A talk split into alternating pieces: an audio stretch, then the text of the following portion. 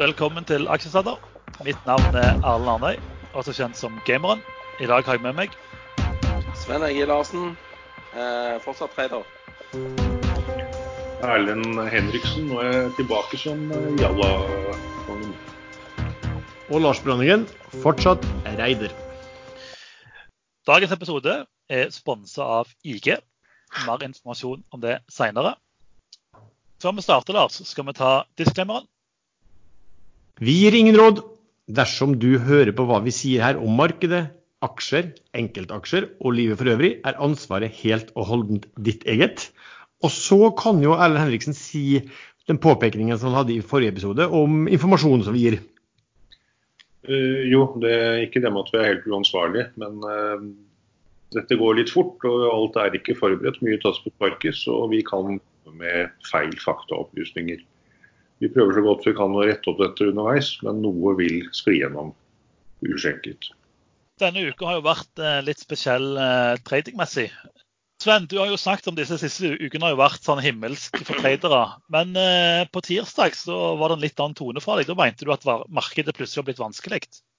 Hvordan har siste uka vært? Eh, vanskelig, syns jeg. Eh, fordi at det kommer litt mye signaler i hytt og pine her. Eh, du har eh, galne presidenter som tweeter om eh, oljeenighet og kutt på 15 eh, milliarder fat osv. Så, videre. så eh, det har vært litt vanskelig å forholde seg til. Men eh, vi lever jo i ekstremt spennende finansielle tider, da. Eh, sånn at jeg klager fortsatt ikke, altså. Det har bare vært litt vanskeligere å tjene penger. Ja. Men, eh, men eh, Nei, det, det er veldig spennende. Og, og, og siden du eh, begynte å snakke om dette, her, så det, Oljemarkedet. Med, det, det er fredag. Trump skal ha et møte med de store amerikanske oljeselskapene i ettermiddag. eh, norsk tid, tror jeg. Eller ettermiddag amerikansk tid, det husker jeg ikke.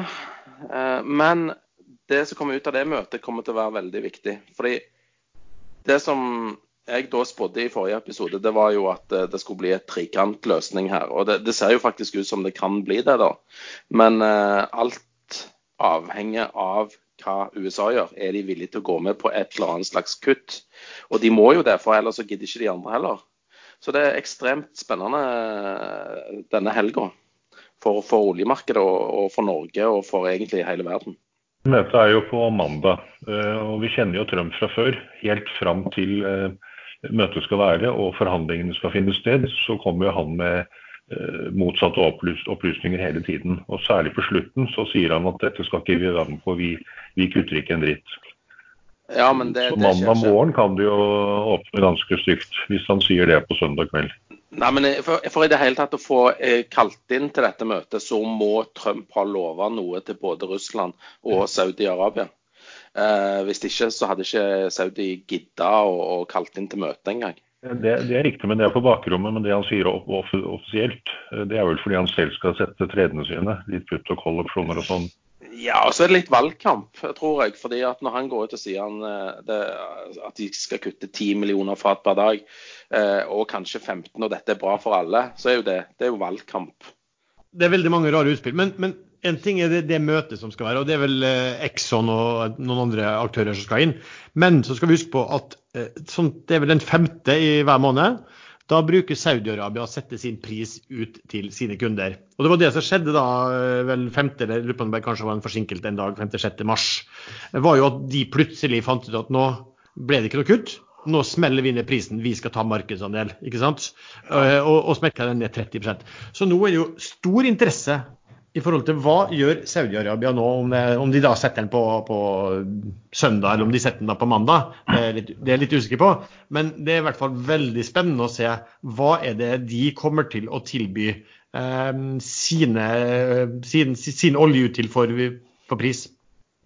Men har ikke, altså i forhold til, som du sa Sven, eh, for at både Saudi og Russland skal gidde å sette seg ned og diskutere dette, så må de på en måte ha blitt lovt noe på bakrommet.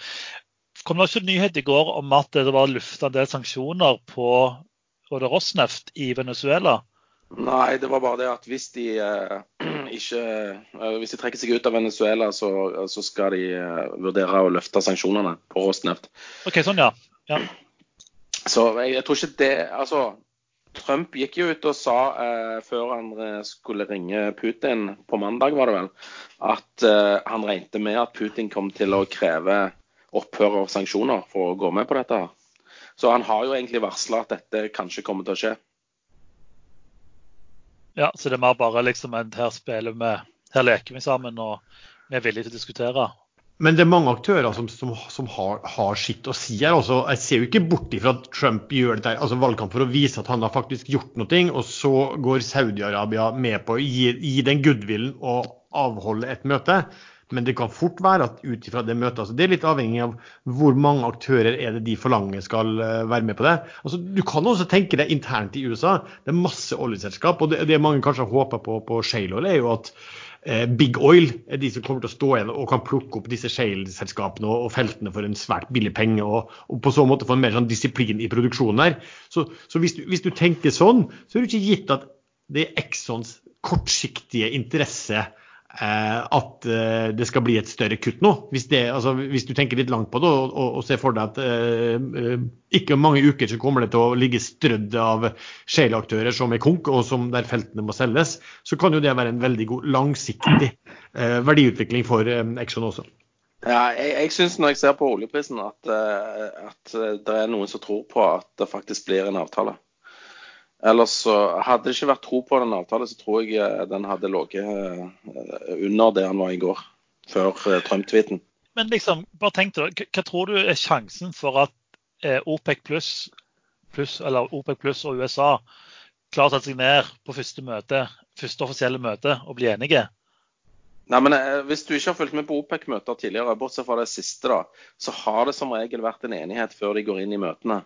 Ja, sånn, ja. Eh, og jeg tror eh, sist gang at, eh, som jeg sa i forrige episode, at Russland og Saudi egentlig var enige om at det ikke ble noe kutt. Jeg ser at folk eh, mener at Saudi ble så sure og bare gikk hjem og skru, eh, skrudde, skrudde, opp kranen, holdt jeg på å si. Men jeg tror egentlig det var, alt var et spill for galleriet det som taler imot den teorien din, det er jo hvis man ser på eh, Saudi sin booking av eh, VLC-er, altså de her båtene.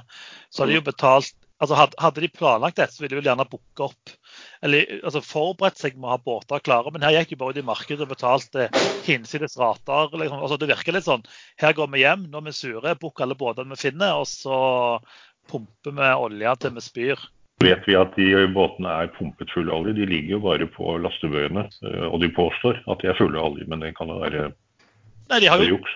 De har jo dobla ratene, så de betaler jo fryktelig mye penger for disse båtene da. Så det er mye penger for, eh, for å jukse, men gjerne 100 000 dollar. Ja, det er småpenger, det. De er småpenger. Ja. Ja, vi får håpe at mot, for motpartens skyld at ikke avtalen er så måte at uh, Saudi-Arabia kan gå fra eh, avtalen uh, hvis f.eks. oljen ikke er eh, losset på dem ennå. Det ville vært kjedelig for tankselskapene, for å si det mildt. Eh, jeg vet ikke hvordan det, det der ligger an, og, og hvordan, hvordan, eventuelt man kan det, det, er jo inngått veldig mye avtale i det siste, i hvert fall. Så hvis det plutselig skjer noe. Men, men uansett, hva, det som er problemet, er litt sånn hvor mye skal de kutte? Jeg ser Trafigura, som jo er en, en veldig stor aktør i, i, verden på trading av oljeprodukter, de anslår nå at eh, Altså, hvis vi ser på oljemarkedet, sånn noenlunde balansert, sånn helt somatisk, så det sånn, bruker det å være sånn ca. 100 millioner fat per olje per dag som produseres, og 100 millioner fat per olje som etterspørres. Da er man i balanse. Og så sier Trafigura at nå anslår de at demand losses, altså fallet i etterspørselen, er ca. på 35 millioner fat per dag. Og da er jo spørsmålet hvor Ja, det har vært snakket lenge om 8 til 10, og så kommer vi 12 og snakker om 20. Om, om Trafigura har rett om det er for mye, det vet jeg ikke. Men, men hvor mye de, de, vil jo fortsatt, uansett eh, kutt, så vil de jo de vil jo aldri klare å kutte så mye. Eh, 15 millioner vil jo være en stor overraskelse hvis du klarer så mye. Men uansett så vil det fortsatt være stor overproduksjon eh, nå en periode. Eh, men så kan det være selvfølgelig at de klarer å eh, altså At det finnes lager da, som kan ta hånd om dette. Kineserne har vel begynt å kjøpe mer til lager også. Men eh, la oss si det er mye verre. La oss si det er motsatt. At, uh, at det, ikke, det er ikke 35 millioner fat som kuttes, det er 35 millioner fat som vil være etterspørsel en stund framover. Uh, Kina har jo startet opp igjen, men det skjer samtidig som Vesten og andre land stenger ned alt. Så forbruket eh, i Vesten er lavt, og ingen har råd til å kjøpe kinesiske varer. Så kineserne har ikke noe å selge til, så de må etter hvert også stenge ned. Og de risikerer en bølge nummer to ganske snart. Um, og da vil det gå i pingpong mellom øst og vest og sør og nord. Uh, så hvor mye olje er det behov for framover når fly kommer til å stå på bakken sannsynligvis ganske lenge? Uh, og som båtfrakt er eh, berørt av at mannskap, uh, de får ikke skaffet mannskap. Så det eneste som går av tungtransport, det er at tungtransport er det eneste som går akkurat nå. Det er jo nesten ikke privatbilisme. Bortsett fra akkurat i Kina så er det faktisk økt, fordi folk tar ikke T-bane og buss lenger. Ja, nå leser jeg akkurat en melding om at nei, Putin òg skal ha møte med oljeselskapene sine i dag. Så ja, vi får se. Ja. Nei, Det høres egentlig ut som de riggede tidenes eh, felle. Alle går inn i uh, bull olje, og så får vi den koselige tweeten på mandag morgen at alle bull olje ganger tre oppover noe fordi olje gikk motsatt vei. Ja. Dette har, jo blitt, blitt så ille også at nå kan du jo faktisk si det sånn at de kan jo komme Trump i eh, møte ved å, og gi han goodwill ved å, ved å kutte. Og, og, likevel så kan det være at det er på mange måter ikke nok til å redde oljeprisen kortsiktig, for det er så lite etterspørsel. Eh, sånn sett. Det der, det der er, er, så vanskelig å si, men, men ting tyder jo på at, på at, her er det liksom en, en, en, vilje til å få til noe. Mitt spørsmål kanskje her er eh, det vil jo være, det høres jo helt galskap ut av uh, Russland og Saudi å gå med på noe som helst hvis ikke amerikanske aktører er med. Og så leser jeg det at det er ikke så lett å få amerikanske aktører til det. Det stilles spørsmål på lovligheten av vedtak. Det er ulike, altså de, de driver jo i ulike mm, stater. De, noen driver også på sant, offshore. Du har jo disse Shale som er altså i Texas, eh, hva er det, New Mexico, North Dakota, eh, Oklahoma, mange andre steder. Og, og hvem er det som skal liksom, pålegge alle disse å produsere maks så og så mye? Det blir eh, veldig interessant å se. Men hvem er det som bestemmer eksport eh, av olje i USA? Ja, Det tror jeg presidenten kan gjøre. Jeg lurer på om det var bare altså Det er jo ikke så lenge siden at det var eksportforbud av uh, crude, altså råolje fra, uh, ja, fra det, gikk, uh, det gikk via Kongressen. Det var Kongressen som måtte oppheve eksportforbudet. Okay. Og Trump som presidenten som godkjenner. Det var jo Obama som godkjente opphevelsen forrige gang.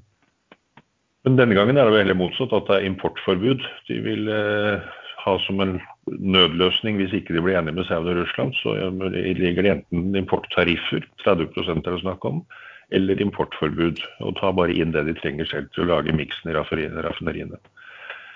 Men Sven får nok rett, det blir en avtale. Um, og så kan det godt være at verden plutselig går på skinner igjen eh, økonomisk, i hvert fall i, aksjemarkedene fram til eh, i sommer eller over sommeren. Og så kommer det store knekket, tror jeg. Det blir mye verre enn det som var nå. Når vi er inne på oljemarkedet, her hjemme så har vi jo Equinor og Aker BP som på en måte har bulla iallfall denne uka eh, så bare det. Hva tenker vi egentlig om det? Hvorfor, hvorfor går de to aksjene så sinnssykt? Har dere noen tanker om det? Altså, nå er det jo sånn, Jeg så vel også noen ting som, som, som viste liksom prisingen av eh, Equinor, og så, og, så, og så, brukte de da det i, i dollar. Eh, og da var liksom det, det var på bunnivå. Det var liksom atskillig billigere enn hva det hadde vært liksom i finanskrisen og, og når oljeprisen falt var 2.15-2.16 eller noe. Det var liksom eh, Equinor nå, nå var mye, bil, mye billigere for, for, utlendingen å kjøpe. da. Eh, så det kan jo være grunn eh, til, til eh, oppgangen eh, eh, der. Og så, så, har jeg også sett liksom bare på kan du gå inn på et system og se liksom hvem som kjøper. og det jeg ser er typ sånn Folketrygdfondet har vært ivrig og kjøpt mye aksjer i det norske selskapet de, de siste dagene. Så sånne ting hjelper jo på det også. Men, men, for mange så kan det jo virke rart selvfølgelig at altså, spotten faller. Eh, og, har ligget lavt når den har gått opp helt til det siste. Og har ligget lavt mens eh, Equinor har, og, og Aker BP har steget sterkt. Det, det, virker jo liksom litt sånn litt, ja, litt, litt ulogisk. Men som sagt, det er noe valuta der. Og så er det også alt det med, med håpet om og spekulasjonen om at det kommer en løsning. Og noen tenker kanskje sånn at jo, jo vondere det gjør fort, jo større sjanse er det for at det kommer en løsning. Da. Så da begynner de å tenke på hva, hvordan skal disse selskapene være prises hvis, kommer, hvis oljeprisen kommer tilbake til 50 dollar f.eks. Hvis vi ser på DNO, så har den gått helt sinnssykt i dag. Er det short squeeze, eller er det kommet noen nyheter der som gjør at den skal stige? Den opp 17,5% nå. Den var vel opp et par og 20 der tidligere i dag. Eh, jeg husker ikke om de fikk eller om de regner med å få betaling. Genel, eh, som også har assets i Kurdistan, de har fått bekreftet at de har fått betaling. Men det er vel september- eller oktoberbetalingen, så de ligger jo mange måneder på etterskudd. Oktober 2019-betaling var det. Ja. Og den har de fått. Men den kom vel i går, den? I går tidlig? Så den Nei, ikke... ja, kom eh, kvelden eh, for eh, to dager siden. Men det okay. må jo kombineres med at oljeprisen har gått opp da om 5-6-7 dollar siden, eh, siden, et par dager siden, eller siden i går. Så det blir jo sånn dobbelt opp for det nå, og da er det jo sikkert viss, et visst element av short-dekning. Men short squeeze har det nok ikke vært ennå. Nei, bare så han var opp 25 eh, tror jeg, på det verste i dag. Så det var Og hvor mye er han ned year to date, da? Ja, det tror jeg ikke vi skal si for høyt. 59 faktisk. det bare viser jo litt sånn Sven hvor vanskelig det markedet er. Altså, det kommer nyheter eller det kan komme signaler eller noen tolker et eller annet. Altså, Sånne selskaper som har falt såpass mye og, og, og liksom der ting er så marginalt på en del ting, så, så kan de liksom reagere voldsomt, voldsomt kraftig og få sånn enorme rekyler sånn sett. Eh, de kan falle veldig raskt, og de kan eh, stige veldig raskt. og Det gjelder liksom å holde tunga i munnen. Og, og, hvis du ikke har tid til å sitte foran en skjerm, så er det kanskje en del sånne selskap du, du ikke, har så lyst til å sitte lang i. Det var jo da en av grunnene til at jeg er veldig fornøyd med denne uka her. Eh, jeg tok det nå i dag tidlig på 4.34. Eh, litt for sent. Jeg kunne fått nede på 4,19 var vel bunnen.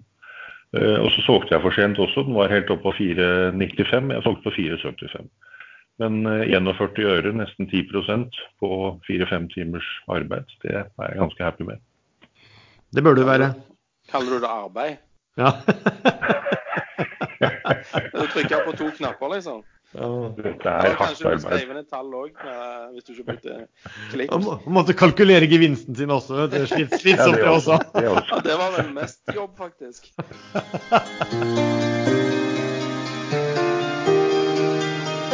Lars, for første gang så har vi jo fått en sponsor i aksjesladder, IG.com. Men hvem er IG, egentlig?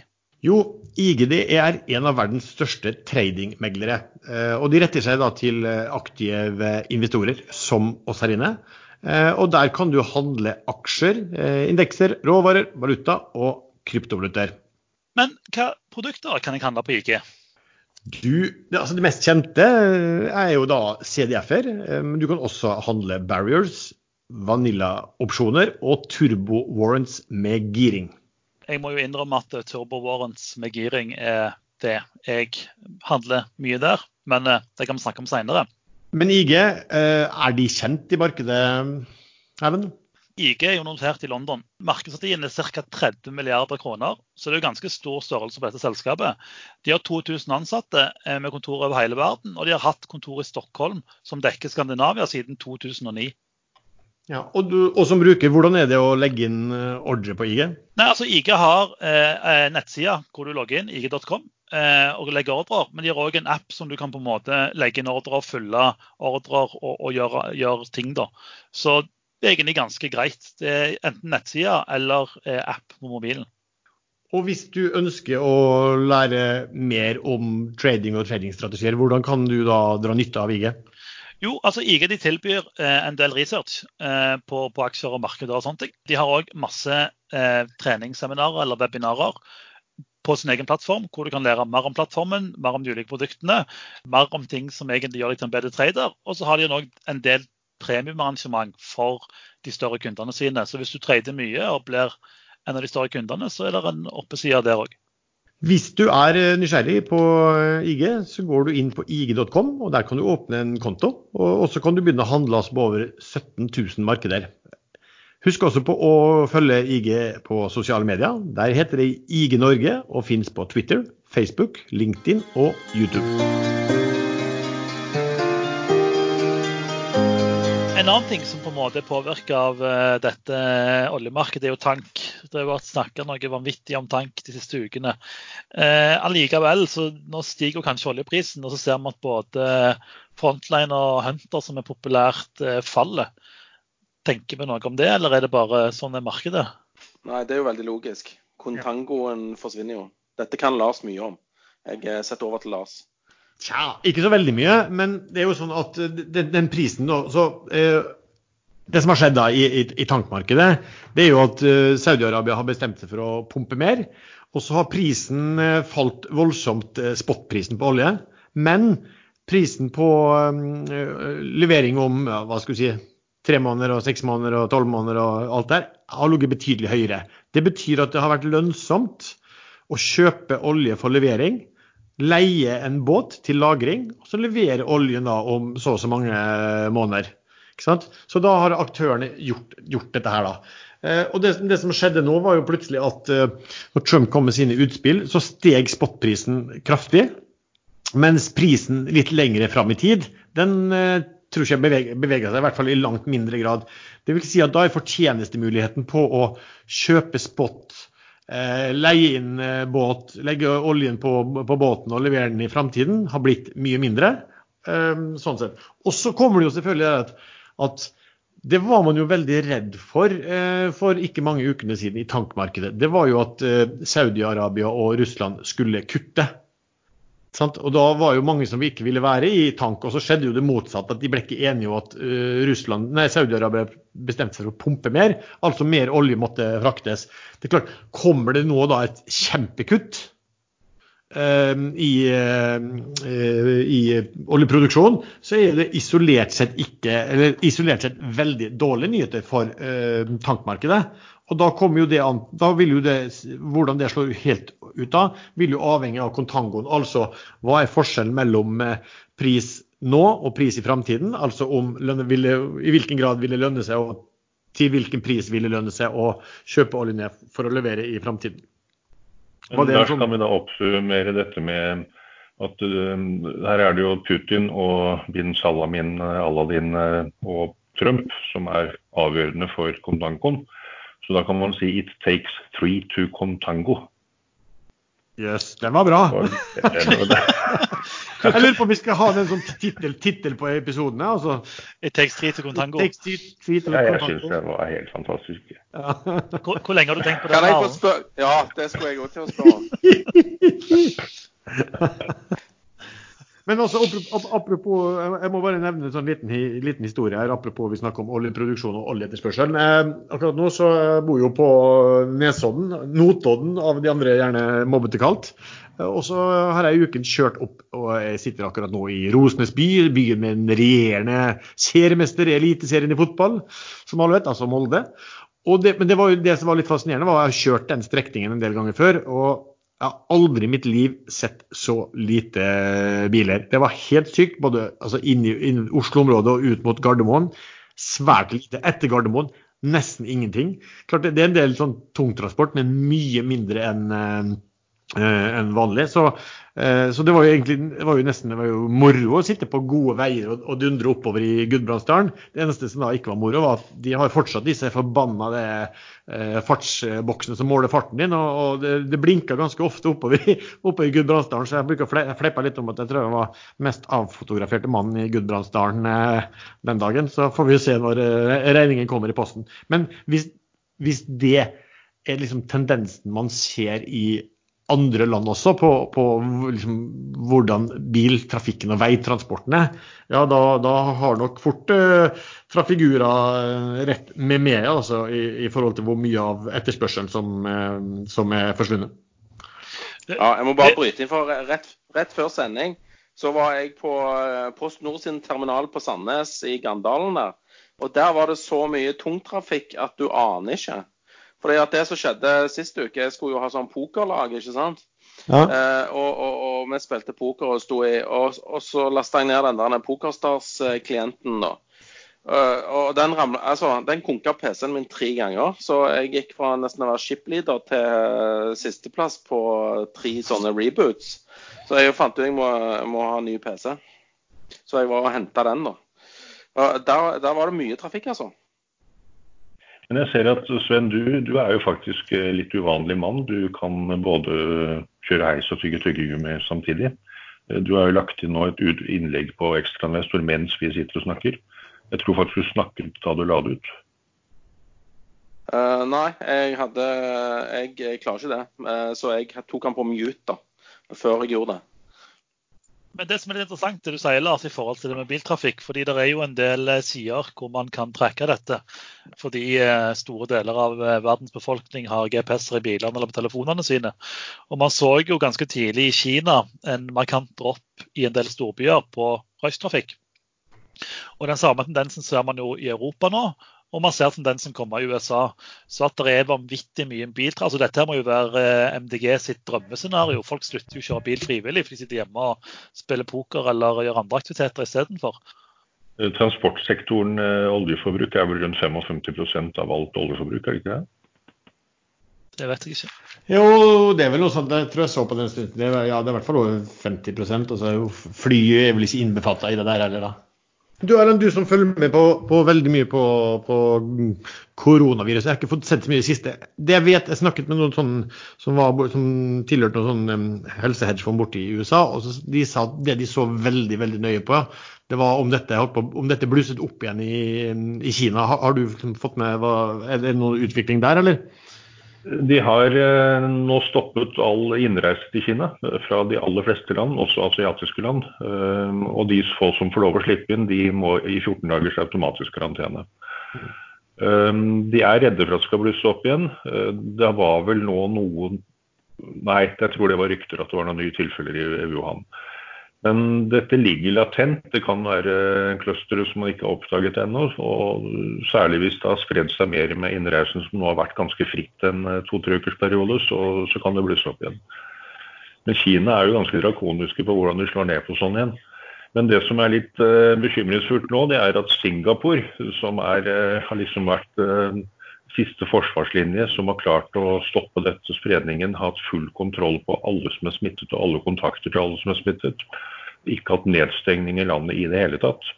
De kjører nå tilsvarende norsk lockdown fra og med tirsdag-onsdag. Alle skoler og universiteter stenges. Eh, all non-essential arbeid blir forbudt å gå til. Man skal jobbe hjemmefra. Eh, det er ikke lov å besøke andre i familien enn de man bor sammen med.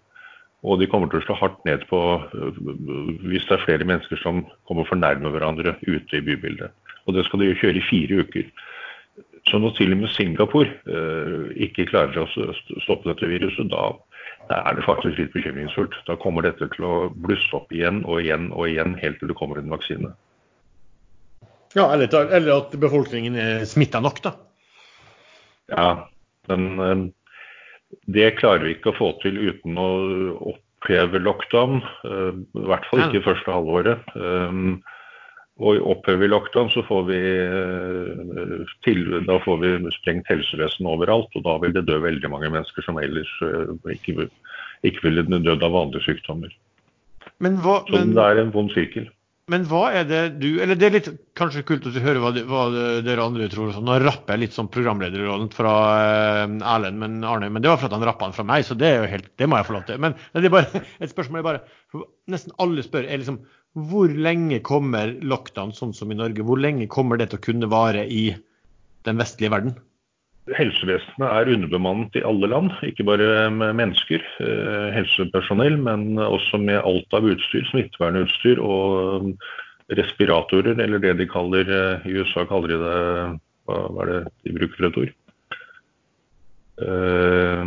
Ventilatorer. Ventilator. Ventil ventilators. Eh, så de kan ikke slippe opp. Eh, I Norge har det vært veldig mye snakk om hvor mange ICU-plasser vi har. Eh, det er jo disse kritiske sengeplassene som har alt av utstyr. Og tall opp til 1400 har blitt nevnt, men det er faktisk helt feil. Høie innrømmet på TV i går eller foregårs at vi har 250 sånne plasser i Norge. Og det kan økes til 700 ca.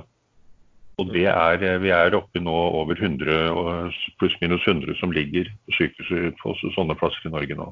Så du tror at man kommer til å åpne opp når?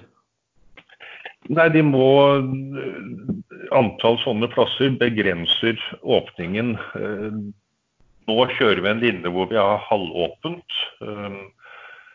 Hvis det plutselig hoper seg opp med tilfeller, så må de bråstenge, og da må de stenge mye mer brutalt enn hvis de hadde stengt mer brutalt fra, fra dag én. Så jeg tror de gjør en liten tabbe i Norge. De slipper opp litt for mye litt for fort nå. Men det kan være rett. Det kan være en grei måte å gjøre det på.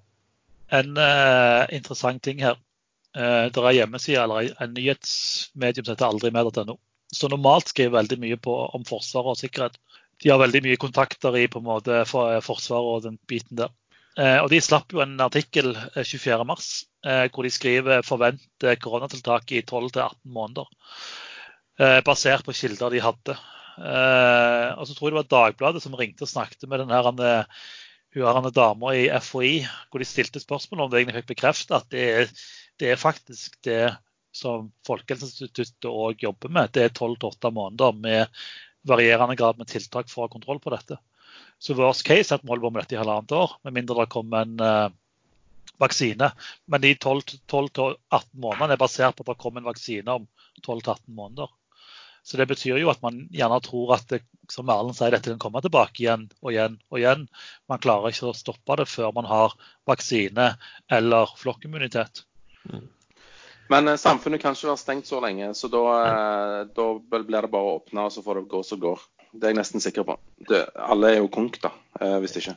Og, og, og, og, det er vel sånn også at du ved å stenge ned samfunnet, så får du veldig mye elendighet og dødsfall også generelt sett. Jeg, jeg så bare, Nå var det en film, men, og da snakka de om den, på den filmen i hvert fall om, eh, om eh, Det var faktisk fra The Big Short. Eh, om at 1 eh, nedgang i BNP i USA tilsvarte ca. 40 000 dødsfall.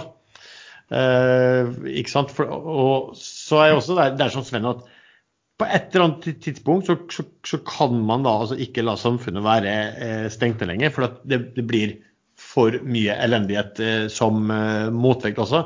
Når det blir, det, det vet jeg ikke. Men jeg, jeg, tror nok at aksjemarkedet i dag eh, vil, vil, vil, anta liksom at de priser inn at, eh, at man i løpet av eh, første halvdel, eller i mai, da, at man, er, at man, begynner å normalisere seg. Det tror jeg nok. Så hvis dere andre har rett om at det her blir mye lengre, så eh, tror jeg ikke Og i hvert fall hvis det var i tolv måneder til, så tror jeg overhodet ikke aksjemarkedet kommer til å ha noen eh, god utvikling i, i den perioden.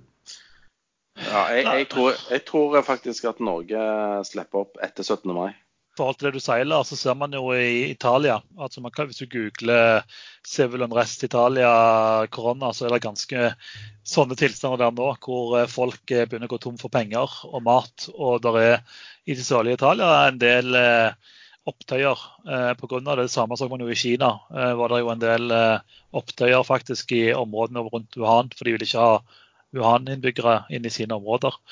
Så jeg er litt enig, men, men, men hvis du ser på en måte på Spania og Italia sine dødsfall, det, sånn, det å åpne opp eh, Problemet når ting går bra, sånn som i Norge nå, vi har ikke så mange syke. Eh, de som er syke, får i stor grad behandling. De som dør, er, er gamle. Så vil alle mene at tiltakene er for ekstreme.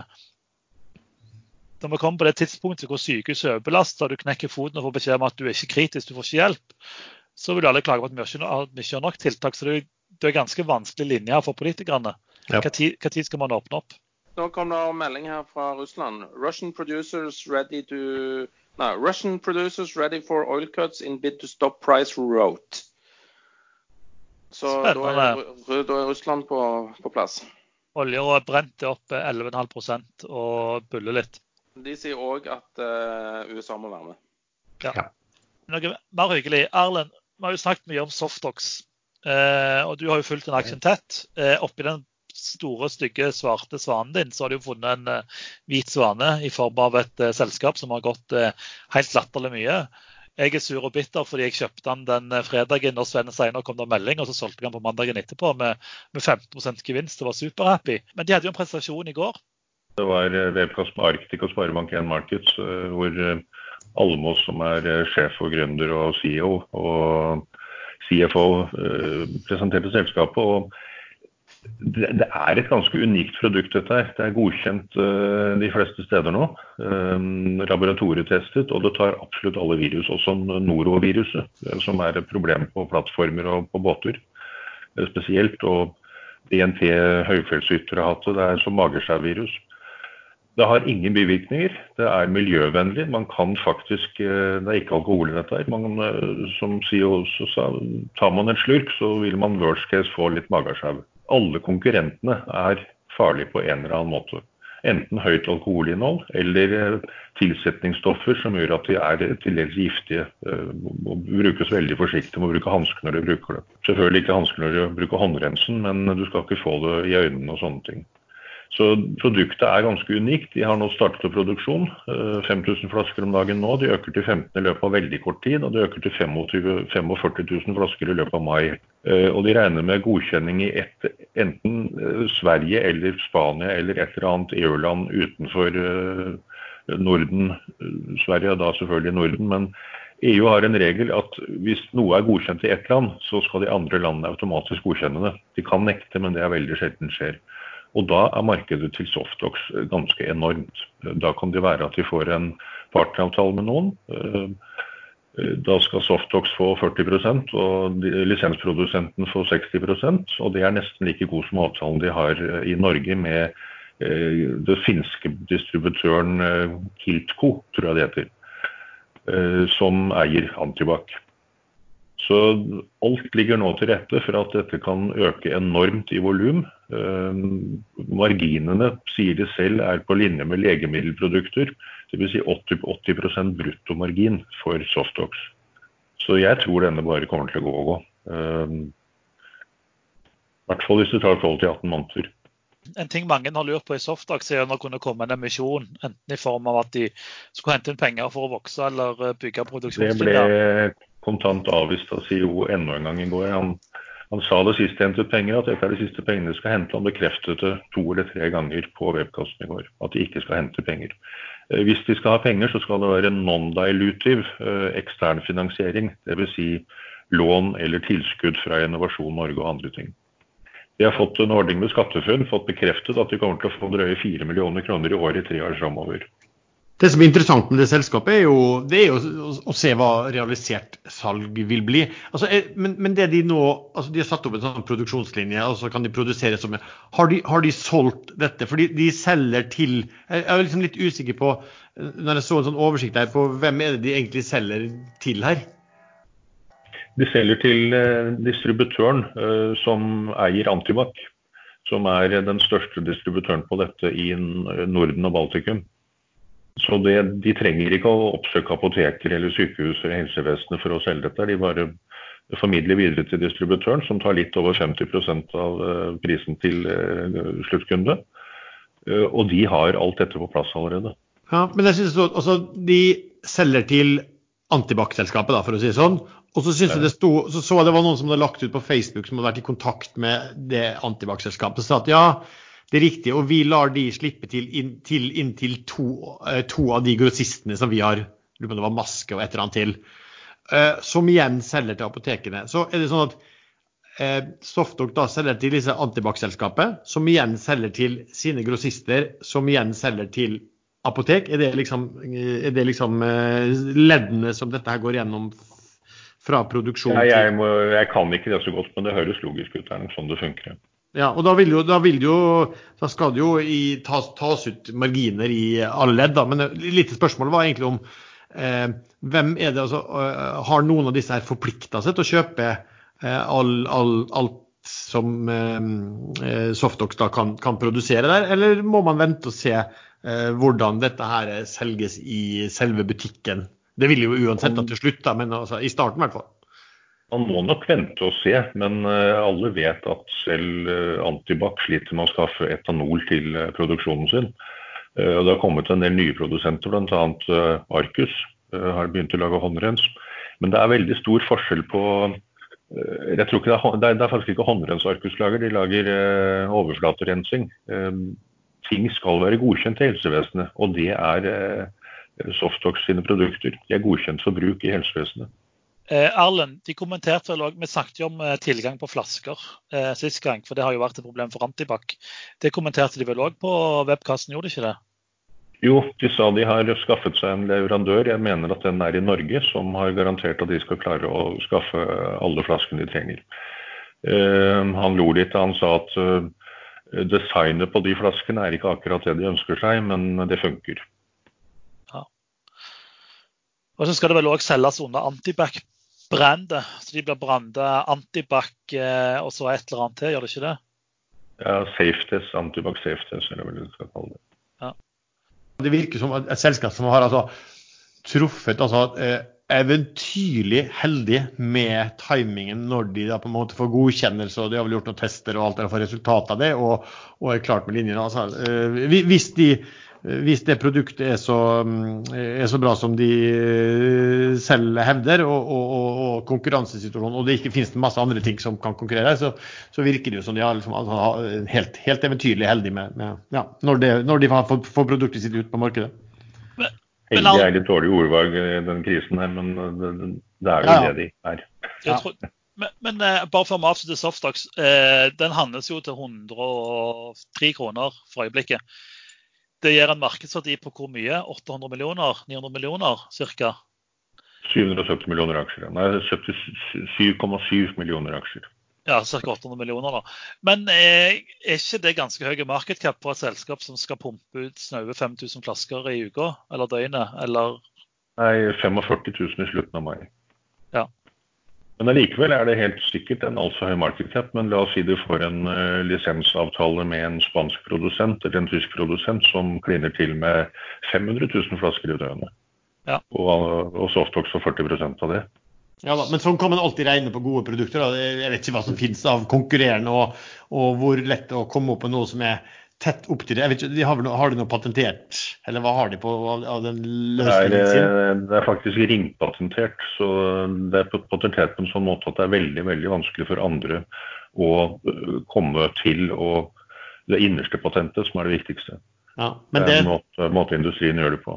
Ja, men skal jeg være litt slem på det, så har jeg truffet på mange selskap som, og, alle selskap bruker veldig ofte å fortelle hvor eh, godt patentert de er. Eh, og, så er det ikke, og så er det ofte sånn at du kan komme deg, i hvert fall for en del av dem, så kan man komme seg rundt det ved relativt små modifikasjoner. Så, så jeg tror liksom jeg, jeg vil nok fulgt godt med på konkurransesituasjonen og hva som kan komme opp her før liksom eh, jeg vil ikke anta uten videre i hvert fall at, at de får lisenser i, Eh, i, i, andre land. Men det kan godt være at de får. Det blir veldig interessant å se hva de faktisk får til å selge. og så, og så For min del kjenner jeg såpass lite til at ja, konkurransesituasjonen At de får det i, at de får det i resten av Europa, det er bortimot helt sikkert. Uh, han fortalte i går at de blir oppringt fra Spania, som fortvilet for øvrig for produktet, men han har ikke lov å inngå avtale med produsent der nede uh, før det er godkjent i et EU-land. Mm. Så den godkjennelsen den eh, pushes det hardt på for å få på plass nå. I USA er det annerledes. Der eh, I høst eller i fjor en gang så ble lov, loven endret slik at håndrens regnes som et legemiddel og skal gjennom hele vanlig standardprosess for godkjenning. Mm. Så der kommer det til å ta litt tid. Mm. Skjønner. Men eh, jeg ser på market cap på bortimot en milliard som alt veldig mye for høy akkurat nå. Eh, men vi vet jo hvordan aksjer prises. Det er bare å se på Nell og Vov og alle disse andre aksjene. Eh, de prises på en sannsynlig forventning til bortimot umulig kursmål i framtiden, eller saksfortjeneste. Så jeg vil tro at denne, denne aksjen kan tredes fram til Q2-tallene kommer. Ehm, og da eventuelt selge seg ned før, for de vil selvfølgelig skuffe markedet enormt. Og så kan man kjøre det en gang til eh, mellom Q2 og Q3. Så man ser ved Q3 vil man nok vite mer om faktisk hva som selskapet sitter igjen med. Det er mange som har snakka om shorting de siste ukene. Veldig mye spørsmål rundt shorting og hvordan man kan tjene penger på, på det som skjer. Eh, det er en eh, hedgefondfyr i USA, Bill Ackman, han hadde jo en liten, uh, liten short uh, hvor han vedda imot uh, markedet. han må ha hørt aksjestatter fordi han uh, vedda på at dette gikk dårlig. Og de 27 millioner dollarene som veddemålet kosta han, det ga ca. 2,7 milliarder dollar når, når, gevinsten var kommet inn. det han kjøpte, var jo sånne credit default swaps, som jeg ikke kan så mye av. Men Lars, du kan jo dette bedre enn meg iallfall. Man husker jo kanskje litt det her fra, fra, finanskrisen, og man har jo sett det kanskje på filmen altså The, The Big Short. Jeg så den selv på nytt igjen nå i forrige helg. Altså, Hvis du bare gjør det litt enkelt, da, sier credit default er på en måte en, en, forsikring. Du kjøper en forsikring mot at noe skal gå galt.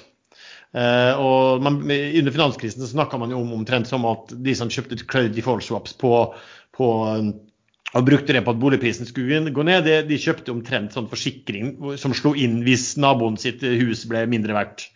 Eh, det han har gjort som er litt spesielt, jeg så bare på hva Pershing eh, Square Funds, da, som er, som er Bill Eckman sine fond, de har kjøpt credit i swap. Men det virker som de har gjort det med, med nesten sånn noen slags ikke deriverte, men andre deriverte. For det finnes tydeligvis noe som heter sånn credit default swap-indekser, eller et eller annet sånt. Som sikkert da er ganske volatile. High yield credit default swap indices, nemlig CDX IG, CDX high yield ulike. Så virker det som man har kjøpt credit default swaps på credit default swaps swap-indekser igjen. Eh, det er i hvert fall sånn jeg kan lese ut av det. Jeg har aldri hørt om det, at eh, den, den muligheten finnes igjen. Eh, og Hvis man skal samle inn da, så det er riktig, så blir det som, som at du kjøper opsjoner på en opsjon. Og det kan jo kanskje gi, gi mening da, i, i, i måte at han har hadde han investert 27 millioner dollar i disse credit default swapsene sine, og, sto, og, og hadde fått 2,8 milliarder dollar. Var ikke det noe sånt at han hadde? ja? Jo, cirka det. Ja. Så, så, veldig, veldig kompleks. Men det, det han, altså, in the end, det han har gjort, er at han har syntes at eh, risikable eh, obligasjoner, tydeligvis, eh, har eh, vært priset eh, altfor lav. Um, Altfor lav spredd mellom de og de som er mye sikrere. Og derfor har han tatt det med han ikke veldig store penger, men, men, men vilt risikofylt bettet eh, på at den spredden skulle eh, øke. Og det gjorde det selvfølgelig. altså Når koronakrisen og alt der slo inn, så, så økte jo stress i, i, eh, kapitalmarkedet. Og da betyr det at de mest risikofylte selskapene må betale mer for å låne. Det var vel bare ca. 30 millioner dollar han hadde satset på det bettet der, og det ga han en fortjeneste på 2,8 milliarder dollar. Mm. Det er korrekt så hundregangen. Det, det er litt det mm. jeg har sett på, fordi jeg har jo drevet og shorta, og, eller shorta indekser via IG. Eh, og jeg fatter ikke hvordan han klarte å hente ut så mye gevinst. Jeg skjønner ikke hvordan han har satt sammen denne shortpakken sin. egentlig. Fordi, eh, og Jeg har lest pressemeldingen han har lagt, men dette er way above meg. Eh, men det er jo hyggelig for han. Altså, De som kan gjøre hundregangen på en måned, det er, det er all respekt. Det skal jeg si det, Dette var en hedge mot long-posisjonene, eh, som man da ikke likviderte. Eh, så summen av, av denne hedgen og langposisjonene det var ca. 7% gevinst. Men det var jo 7% gevinst i en tid hvor alle de andre hedgefondene tapte 20-30% Ja, og det, og det, er jo litt interessant, for han, skal, han har jo lagt et brev som jeg tror det er delt på ekstrainvestor, jeg kan dele det igjen hvis Farre vil ha det. Eh, hvor han skriver at alternativet var jo å selge alle langposisjonene. Eh, og Vi har jo snakket veldig mye om dette med å hedge. Spesielt Sven er jo veldig eh, på det å hedge posisjoner for å på en måte sikre seg. Så det, men allikevel, jeg syns det, det, er kult, selv om jeg ikke skjønner helt hva han har gjort. Selv etter Lars prøver å forklare det. Men, uh... Og så tror jeg kanskje at det kan godt være at han har gjort det som de, de, de, de folkene i The Big Short gjorde. altså de, gikk og fikk noen til å lage det produktet omtrent uh, til dem som de kunne handle på også. Så må ja. Ja. Du, du, nevnte Sven der. Han er jo med i panelet nå og sitter og lytter, men han blir jo helt stille. og Grunnen til at han blir stille, er jo fordi det var ikke korrekt som du sa at jeg fant Softalk-aksjen. Det var Sven som fant den på 20 kroner. Jeg fant skjønte ikke dette her før på 38 kroner. Men, det, men han men det, har da ikke vært med fra 20 kroner opp til 109 som han toppet ut på i dag. Så det er derfor han ble helt stille her nå. Sven, har du Softox i dag? Uh, nei. Er du bitter? Nei. Jeg gleder meg på Erlends vegne at han endelig klarte å selge uh, ganske høyt og ikke bli med helt ned igjen. Så, for det, men uh, man lærer så lenge man leverer. Men, ja. men, men Erlend, har du solgt Softox? Jeg trodde du sa denne. Nei, han har solgt. Jeg, jeg har kjøpt litt tilbake igjen nå. Jeg solgte faktisk en tredje. Jeg solgte alt mellom 104 og 109, og 109 var toppen. Jeg solgte en tredjedel på, helt på toppen. Kult. Det, det, det, er litt interessant det Sven sier, for det diskuteres jo på en måte mye strategier i ulike, i ulike tradingkanaler. og veldig mange skriver jo at eh, folk selger for tidlig og de er, redde for, altså de er redde for å ta gevinst. Men jeg tenker det er mange som selger for seint fordi de er for grådige. Og det er egentlig det du sier, Sven, at man selger og går videre. og så er det flere gode dealer å gjøre seinere. Det er vel helst de som på en måte skal ha litt til og litt til og litt til, som blir sittende hele veien opp og hele veien ned igjen. Ja, det er litt sånn Det spørs om du er trader eller eh, investor. Eh, hadde Erlend vært investor her, så hadde han jo bare satt en trailing stopp på denne her saken og bare ridd videre. Er ikke investor og tradere som ikke kom seg ut? Var ikke det du sa i en tidligere episode? Nei, det er Lars som pleier å si det. Men eh, Nå falt jeg litt ut her. Det er vanskelig å følge med på kurser og snakke eh, i denne her podkast-greia. Men eh, nei, eh, det, spør, spørs på hva horisont du har. og De som blir skikkelig skikkelig rike, det er jo de som blir med lenge, som regel. Mm. En annen treningsteori det er jo at man skal sitte over det top. Eh, Man skal ikke eh, selge dippene. Kanskje til og med sette en grense at man selger ikke før, før noe har falt 30 Eh, Da kan man være med på sånne rønn som dette her fra Hadde du gjort det, Sven, så hadde du klart å holde den aksjen fra 20 kroner helt opp til 75. Og så hadde du solgt på 30% fall fra det, for det ramla helt tilbake til 38. 36. Se på Oslo Børs nå, olje, oljebørsen nå, opp 0,07% og oljen er samtidig opp 15% Jo, men oljen kommer jo fra 20, da. Sånn at ja. Det kunne vært jo morsomt, da. Det, de er midt. ja, Den er ned, den nå. Ja, det er flatt, liksom. Aker BP opp 13% og Petoro opp 30% og DNO opp 20 ikke sant? Ja, og så har du f.eks. Bård Drilling opp eh, 24 eh, Verdens beste riggselskap null. Det er da ned 0,05% Så det er ikke effisiens her ennå. Se på, front, se på fronten. Fronten er 16 Ja. Var ikke Bårdrill det er vel en form for shortsqueeze, er det ikke det? Eh, Bård jo, jeg, jeg tror eh, kan bli en skikkelig så- shortskvis. Ja. Så Sidrill er bare opp 2% ja, men den har hatt sin, den, eh, sist, sist runde. Nei, Det blir spennende. Men nå kommer det sånne eh, arbeidsmarkedstall om ett minutt. Det er venta minus 10 000 jobber. i Norge. Nei, USA. Og sånn, ja. Ut, eh, og, og problemet er vel at den er litt for tidlig. Ja, for den ble målt når da? Hva er... Ja, det er jo marstall, dette her. Ja, ja, ja, ikke sant? Men jeg vet Ja, ikke ja. når cutoffen var. For ADP var cutoffen 12., og den kom jo nå tidligere i uken. Ja. ja. Så hvis det cutoffen er 15., så har de ikke mista så mye jobber ennå. Nei. Og det, det kanskje, jeg vet ikke om det tar litt tid å få registrert alt det der også. Det var, så det var på sånn arbeidsledighetstall, så sa de også at det, det, det, det, det kommer så mye arbeidsledighets eh, ja, inn i systemet at de klarte ikke å registrere alt fort nok. Det, det er jo litt morsomt. Jeg diskuterte med Pål Ringholm på Twitter her i går eh, i forhold til de her eh, arbeidsledighetstallene som kom i går på 6,6 millioner. Eh, og han pos- posta en link eh, som jeg finner den igjen. Det var ganske interessant. For det var et sånn analysebyrå i USA da, som hadde eh, ja, Capital Economics sier våre supre begynte prognoser på at ledigheten ville toppe 12,5% eller 14 millioner, ser nå litt optimistisk ut. Og Det er ganske sykt. sant? De trodde det var 14 millioner var toppen, og vi er allerede forbi det. liksom. Og vi er så vidt i gang. Er Oi, minus. minus 713 000. Det var venta minus 10 000. Det var bad. Den her eh, Wall Street-indeksen deres, som jeg er litt usikker på hva som underligger, den var vel ned 0,3 eh, for ti minutter siden, og nå er han eh, 1,1 etter disse tallene kom.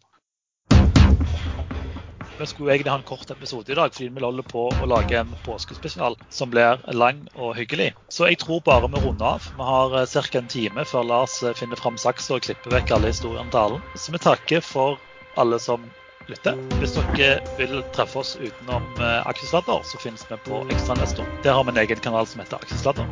Vi har òg ei gruppe på Facebook som heter podkasten Aksjesladder. Vi har med på Facebook-gruppa Børsforum, og vi har en egen kanal på Tech-investor som heter Aksjesladder. Og Da ønsker vi dere bare god helg og en fin påske, og gled dere til påskespesialen.